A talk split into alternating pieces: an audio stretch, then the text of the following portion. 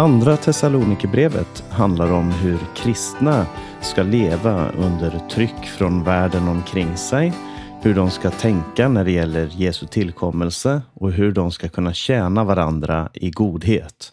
Det här är ett brev med 2000 år på nacken som jag ändå tror har väldigt mycket att säga oss idag. Och idag så ska vi ge några nycklar till Andra Thessalonikerbrevet. Jag heter Paulus Eliasson och du lyssnar på Radio Maranata.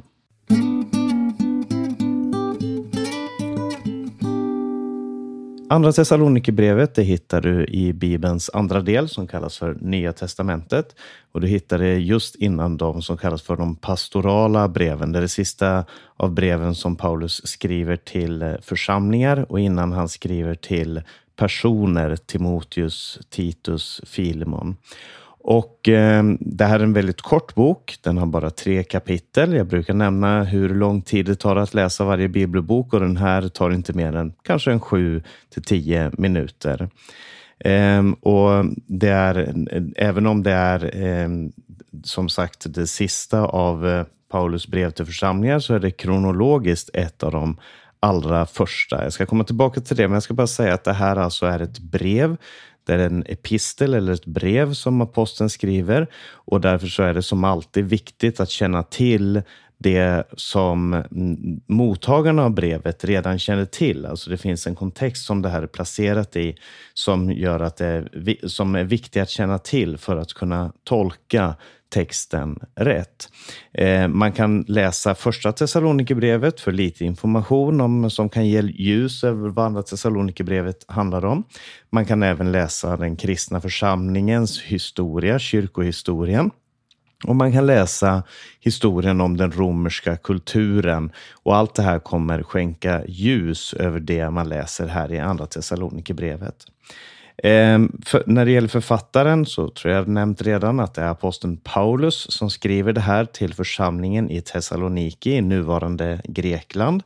Eh, det här är inte så kontroversiellt. De allra flesta, även eh, liberala bibelkritiska forskare, är eniga i att det är aposteln Paulus som ligger bakom den här texten. Och eh, förra gången så nämnde jag att första Thessalonikerbrevet antagligen är det första brevet som Paulus skrev och det här är skrivet inte så långt efter, kanske ja, maximalt ett år senare. Och därför så är det antagligen också det andra brevet som han skrev dit. Han skriver det ifrån Korint, eh, som också ligger i Grekland, upp till församlingarna i Thessaloniki runt år 51-52 efter Kristus. Och Eh, när det gäller mottagarna och, och, den historiska kontexten till det här brevet så kan du, om du är intresserad av det, så kan du gå tillbaka och lyssna på programmet som vi hade om första Thessalonikerbrevet. Där jag talade lite om hur aposteln Paulus kom dit, hur han mötte dem, hur han startade församlingen där eh, och den första tiden och det de fick uppleva där. Men eh, Paulus, eh, innan det här brevet så hade han fått eh, rapporter ifrån Thessaloniki, någonting som hade gjort honom både lugn och också orolig. Eh, och den här oron handlade om dels om den förföljelse som de upplevde i församlingen, alltså externa problem. Det andra handlade om att det fanns falska lärare som kom med med nya och, och obibliska, okristna eh, förkunnelser. Och det var alltså interna problem i lärofrågor. Och sen så fanns det de som utnyttjade andra i församlingen. Och Det handlar om sociala problem i församlingen. Och De här tre delarna handlar varje kapitel i eh, eh, Andra Thessalonikerbrevet om. Den är indelad i tre delar. Det första handlar om en uppmuntran i förföljelsen som de upplevde. Det andra är en undervisning om Herrens dag och den tredje är en uppmaning till dem i församlingen som var oansvariga och som utnyttjade andra. Och Det här ska vi tala om idag när vi ska gå in i texten i Andra Thessalonikerbrevet.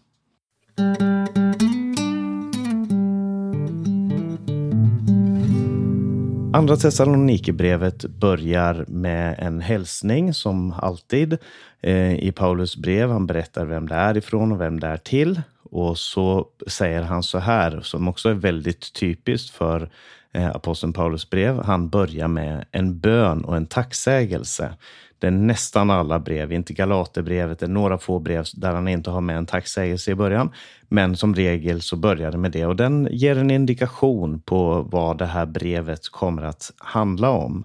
Han börjar med att säga så här. Vi måste alltid tacka Gud för er bröder och det har vi goda skäl till.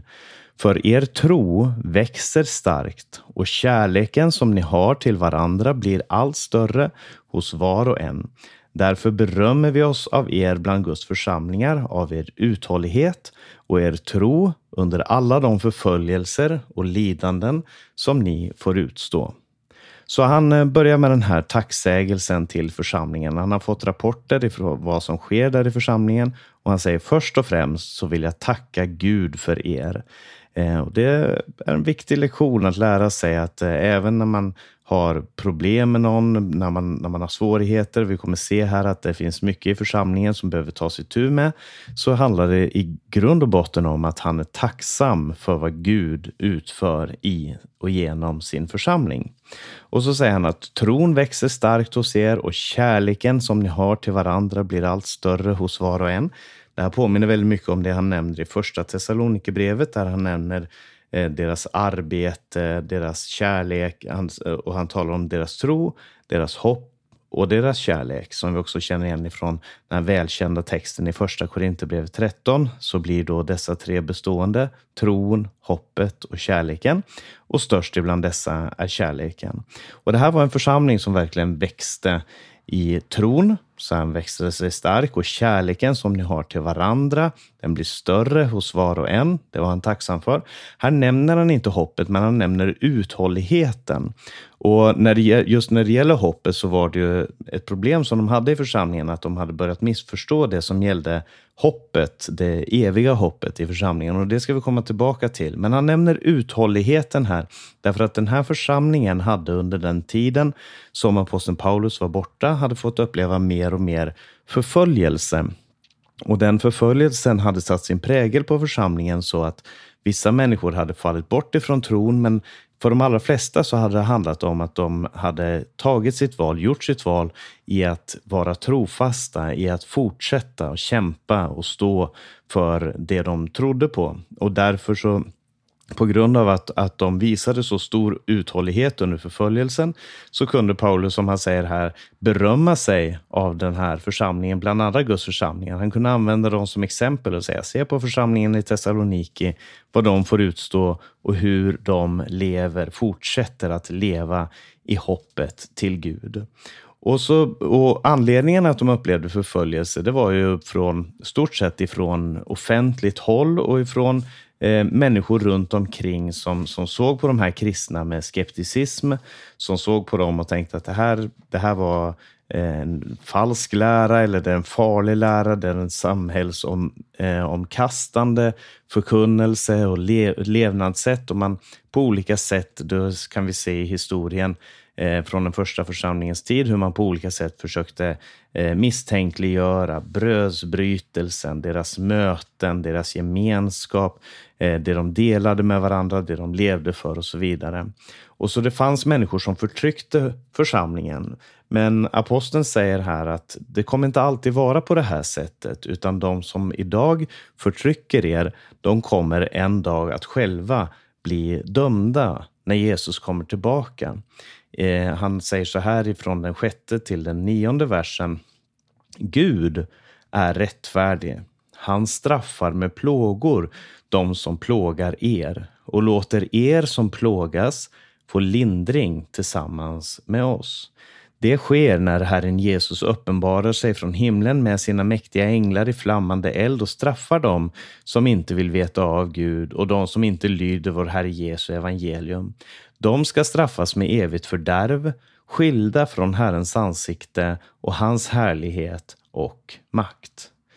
Och här talar han ju då om, om den dom som kommer gå över världen mot de människor som har förtryckt andra, som har behandlat andra illa, som har, eh, vänt sig, som har fortsatt i sitt uppror emot Gud. Och det stora straffet här han nämner Eh, han kommer med flammande eld, han straffar dem, de ska straffas med evigt fördärv och så kommer han fram till själva eh, klimax i, den här, eh, i det här straffet som de får uppleva och det är skilda från Herrens ansikte och hans härlighet och makt.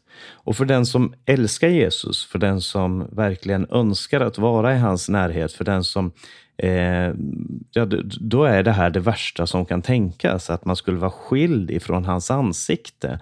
Han som den korsfäste, han som har dött för oss, han som lever för oss, att vi skulle vara skilda från hans ansikte, det är det värsta man skulle kunna tänka sig. Och att vara skild från hans härlighet som man har bett om hela, hela sitt liv. Ja, makten är din och äran och, och, och, och, den här bönen som församlingen har om att få se Guds makt, Guds rike eh, visas i den här tiden. För de människorna så är det här det värsta som kan tänkas. Men för de människor som har levt i uppror mot Gud så får Gud till slut säga att för, för vissa människor, alltså de som lever i, i gemenskap med Gud, de ber det här, låt din vilja ske. Och det var väl C.S. Lewis som sa det i sin tid, att till slut så kommer det vara två grupper människor. Den ena är de som säger till Gud, låt din vilja ske. Och det andra är de som Gud säger till, låt er vilja ske. Alltså människor som vill leva i uppror mot Gud, som inte vill tillhöra honom, som inte vill tjäna honom. De människorna behöver heller inte göra det. De kommer inte att tvingas att göra det, utan de kommer att leva resten av evigheten och bära bördan av vad det betyder att sakna Guds närvaro i sina liv. Och så avslutar han den här första delen i Andra Thessalonikerbrevet med en bön. Må han som är... Eh, nej, eh, förlåt mig, nu läste jag i tredje kapitlet här.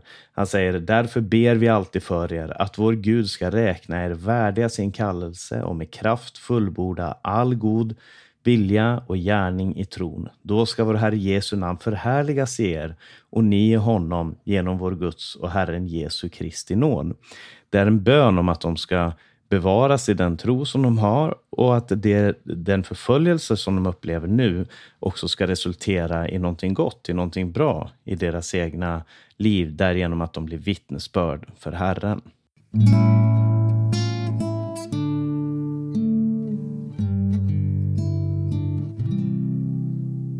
Andra delen i eh, eh, Andra Thessalonikerbrevet är ganska svårtolkad. Här eh, hämtar aposteln inspiration ifrån Gamla testamentet, ifrån Jesaja och Daniel eh, när han talar om det som kallas för Herrens dag. Han säger så här i den första versen.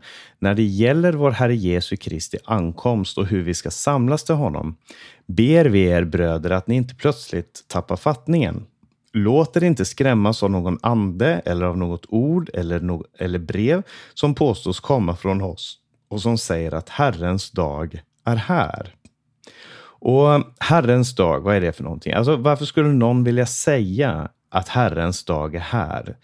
Det kan ju ha varit så att om församlingen upplevde väldigt stark förföljelse och motgång så kunde det finnas de som kom där och sa att ja, det här är för att Jesus har övergivit er. Ni, ni har gjort fel på det här och det här sättet och nu har Jesus kommit. Han har hämtat de som tillhör honom, men ni ni är kvar här och nu är det vreden som går över världen. Alltså man hade ju inte möjlighet att, så stora möjligheter att kommunicera med andra församlingar, andra städer, andra platser. Och så kom de här lärarna och de hade med sig också brev som de menade var från aposteln Paulus och de skrämde upp församlingen på det här sättet. Och eh, kanske de kände att ja, men är vi övergivna av Jesus? Eh, och, och det här skapade en panik. Han säger ni ska inte tappa fattningen. Och det var ju någonting som hände då. Låt er inte skrämmas. Och det fanns människor då som försökte få församlingen att förlora fattningen och att skrämmas. Ehm, men Paulus talar om det här med Herrens dag. Och när det gäller Herrens dag så är det ett begrepp som i Gamla testamentet används många gånger. I början så används det ofta om de dagar då Gud griper in handgripligen. Alltså, en Herrens dag kan vara nästan vilken dag som helst som Herren har beslutat att han kommer gripa in i en given situation för att ställa saker och ting till rätta. Men i senare profetiska skrifter och på, på Jesu tid också så associerades, när man talar om Herrens dag, så associerades det väldigt ofta med en framtida dag då Herren skulle göra ett slut på den ondska som är i världen, då Herren skulle själv stiga ner och konfrontera världens ondska. Eh, och det var det som, som var frågan då. Eh, är, har den dagen kommit? Men Paulus han säger att Herrens dag, det kommer inte vara någonting osäkert. Det finns ingen anledning för oss som kristna att gå runt och tänka, vänta nu, är det här Herrens dag? Det, har den kommit? Har den skett? För det kommer man att märka. Man kommer inte fråga sig, är det Herrens dag nu? Alltså, det är lite som när man drömmer på natten, så ibland i sina drömmar så kan man tänka, vänta nu, drömmer jag eller är jag vaken? Men det är väldigt sällan när man är vaken som man tänker, drömmer jag eller är jag vaken? Alltså när någontings verklighet har kommit så, så, ser man, så ser man, det här är det. Alltså när det inte har kommit så kan man gå runt och tänka, vänta nu, är det här det eller är det det? Är det här det som ska hända eller är det det här? Men när det väl händer så finns det ingen osäkerhet. Och därför så säger han så här ifrån den tredje versen. Låt ingen bedra er på något sätt. Först måste avfallet komma och laglöshetens människa träda fram, fördärvets son, motståndaren som förhäver sig över allt som kallas Gud eller heligt, så att han sätter sig i Guds tempel och säger sig vara Gud. Här talar han om avfallet, han talar om laglöshetens människa, han talar om fördärvets son, motståndaren, det är olika namn som han ger på den här karaktären som, som framstår som en rebellisk person som kommer resa sig upp som en motståndare mot allt som hör Gud till. Och var hämtar aposteln Paulus den här informationen ifrån? Ja, jag tror att han framför allt hämtar från Gamla testamentet och den förkunnelse som vi möter i Jesaja kapitel 13 till, eh, 13 till 16 är det väl, där han talar om den här Babylons kung som ska träda fram eh, som, eh, som lever i uppror mot Gud och kanske också framför allt ifrån Daniels bok där det talas om eh, eh Antiochus Epifanes på ett profetiskt sätt som fördärvets människa som sätter sig i Guds tempel som, som fördärvar och, och förstör. Och det här skedde ju då i, runt eh, Makabertiden i mellantestamentlig tid, för att säga så, mellan Gamla och Nya testamentet. Och det här såg Paulus som ett mönster för någonting som skulle kunna ske igen. Han såg det i sin egen tid i romarriket. Och jag tror att också vi kan se det i vår tid, i, i, vår, i vår värld och det som sker runt omkring oss här och nu. Eh, och, och det är därför som den här texten är så, är så viktig. Och det är en spännande text, men den är också ganska svårtolkad. Det, Herrens dag, säger han, det består i den dag eller den tid då Jesus ska konfrontera och övervinna ondskan genom sin tillkommelse. Det är, den, det är det enkla budskapet här. Men för att dyka djupare ner i den här texten så kan det vara värt att ta många rundor med den, läsa igenom den noga, inte bara ta de sju minuter som det tar att läsa igenom den här boken, utan verkligen ta sig tid att eh, gå igenom texten. För det är en väldigt spännande text, men det är också en väldigt svårtolkad text. Eh, och därför så kan det vara värt att läsa den tillsammans med de här profetiska böckerna, Daniel, Jesaja, också Uppenbarelseboken och framförallt Jesu eskatologiska tal i Matteus 24-25 och de texterna runt eh, där som också finns i Markus och Lukas. Och så avslutas det här kapitlet med en bön om att de ska hålla fast vid det de har lärt sig och en önskan och en tröst och, om tröst och uppmuntran i Gud innan vi kommer in på det tredje och sista kapitlet.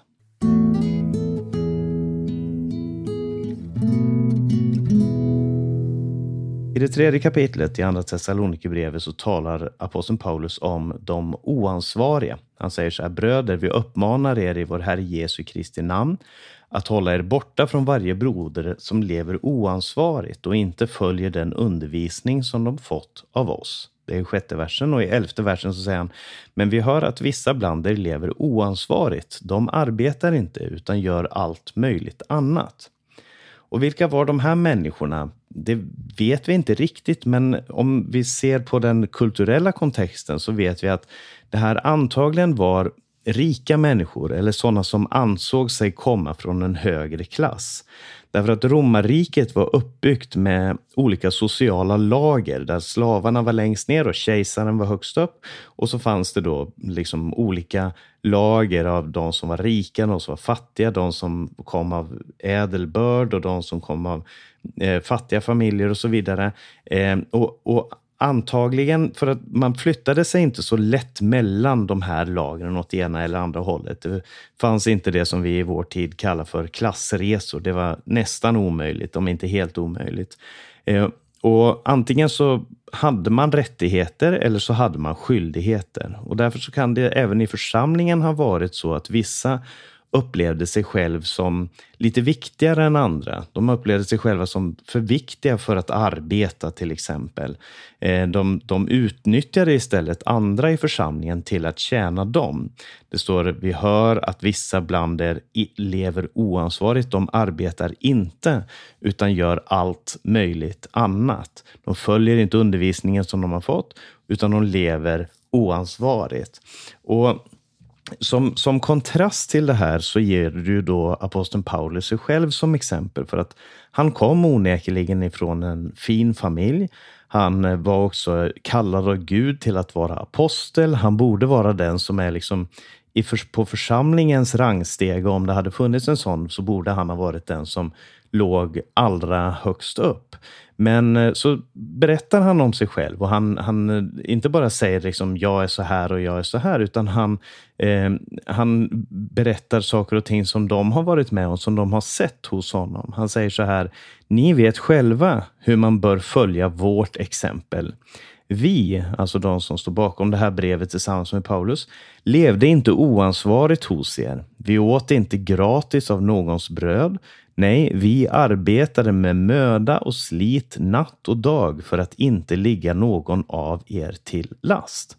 Och vi vet att aposteln Paulus, han var tältmakare. Det var hans yrke som han som han tjänade pengar igenom. Och eh, han berättar här att den kristna livsstilen, det är att själv arbeta för sitt liv. Att inte utnyttja andra för att få det uppehälle som man tycker att man har rätt till, utan att man lever för att man arbetar för sitt eget liv och som det står i första Thessalonikerbrevet också för att kunna dela med sig till andra. Paulus, som var en så pass hög apostel, en så pass välkänd och stor apostel på alla sätt och vis, han valde ändå att tjäna och alla de som var med honom valde också att tjäna och att arbeta själva för sina liv. Och så avslutar han Andra Thessalonikerbrevet med en bön i det tredje kapitlets eh, sextonde vers, där det står så här. Må han som är fridens Herre, alltid och på alla sätt ge er frid. Herren vare med er alla. Så det är fridens Herre som, som ska ge oss frid och vi behöver frid i de här frågorna. Eh, den här frågan som handlar om förföljelse som man läste om i första kapitlet, där behöver församlingen få uppleva frid. Eh, att man kan möta de här förföljelserna utan eh, utan problem. Eh, vi behöver frid när det gäller frågan om Herrens dag så att vi inte förlorar besinningen, så att vi inte låter oss skrämmas. Och vi behöver frid i frågan om vårt eget arbete och den tjänst som Gud har kallat oss till, det arbete som Gud har kallat oss till. Och eh, Det är därför som, som han ber den här bönen till slut. Må han som är fridens herre, all, herre alltid och på alla sätt ge er frid. Och så avslutar han också, och det, det är kanske viktigt för det här brevet också. Han skriver han så här. Här skriver jag, Paulus, min hälsning med egen hand. Detta är ett kännetecken i alla mina brev. Så skriver jag. Och det säger någonting om, eh, om eh, eh viktigheten av det här för att det var ju människor då som hade kommit med brev som de menade var ifrån aposteln Paulus men som inte var det. Och där säger han det här som jag skriver här, det är ett kännetecken i alla mina brev. Jag skriver min hälsning med egen hand. Vanligtvis så lät ju då Paulus eh, andra skriva skriva en, ner hans brev. Eh, han hade skrivare som, som hjälpte honom, men, människor i församlingen som kunde hjälpa honom att skriva. Men, eh, och han dikterade, men hälsningen den gav han alltså själv. Då. Och den här, den här, eh, det här brevet, det handlar om det hoppet som vi har som troende. Och det hoppet vi har, det leder till en ny livsstil. Det leder till att vi kan eh, leva under förföljelse, som det handlar om i första kapitlet. Vi, vi behöver inte låta oss oroas av det och det är verkligen någonting som är värt att eh, applicera på våra egna liv. Det hoppet som vi har, det leder till en ny livsstil när det gäller väntan på Jesus. Det är inte någon panikväntan, det är inte någon väntan i skräck och fruktan, utan det är verkligen en väntan på att han ska uppenbara sig för att ställa världen rätt. Och det hoppet som vi har, det leder också till en tjänst. Så det här brevet handlar om att hoppet vi har kommer att färga våra liv. Och det kommer framförallt färgas av Jesu Kristi kors, av det han har gjort för oss och det liv som han levde för oss och det liv som vi lever tillsammans med honom. Och därför så hoppas jag att den här texten som vi har läst här i Andra Thessalonikerbrevet verkligen ska, ska eh, bli till hjälp för var och en. Och efter det här programmet, ta dig gärna tid att, att läsa igenom det här. Som sagt, det tar bara sju minuter att eh, läsa igenom Andra Thessalonikerbrevet. Ta dig tid till det. Eh, ta dig tid att tänka över de här sakerna, kanske framför allt det i andra kapitlet som är lite svårt att förstå. Men även det andra som handlar om förföljelsen, det som handlar om, om eh, tjänsten som vi har för varandra. Att inte utnyttja varandra för att vi anser oss vara högre än de andra, utan att hjälpa varandra därför att Jesus är vår frälsare. Och det är det som ligger till grund för allt det som förkunnas här i Andra Thessalonikerbrevet. Det är detta att Jesus dog för oss och därför lever vi för honom. Och det är det Andra Thessalonikerbrevet handlar om. Vi ska alldeles strax lyssna på en sång och det är sången O jag vet land som Kristina Imsen sjunger. Men först ska jag bara nämna att du har lyssnat på Maranata Podcast. Jag heter Paulus Eliasson. Vi sänder det här programmet också över Stockholm och Örebro närradio. Eh, du kan komma i kontakt med oss via e-post info maranata.se eller ring 070-201 60 20. På hemsidan maranata.se kan du också läsa tidningen Minasropet och mycket annat. Sprid Guds välsignelse till alla du möter och på återhörande.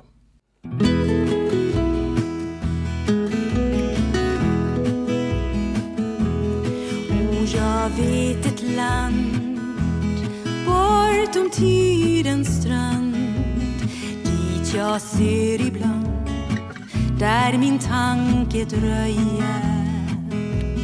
Hjärtat börjar då varmt av längtan slå. Att det sköna landet nå Jag är främling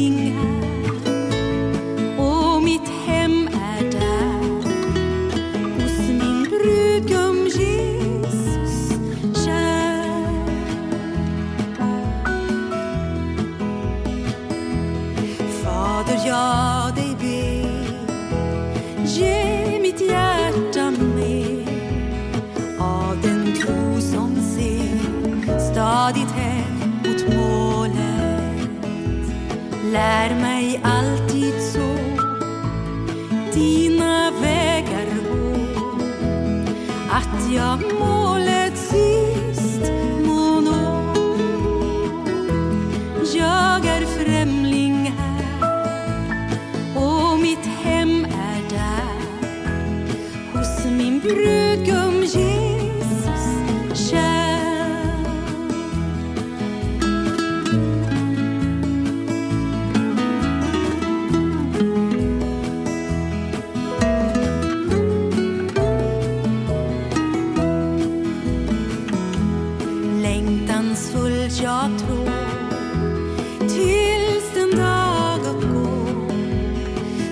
jag vitklädd står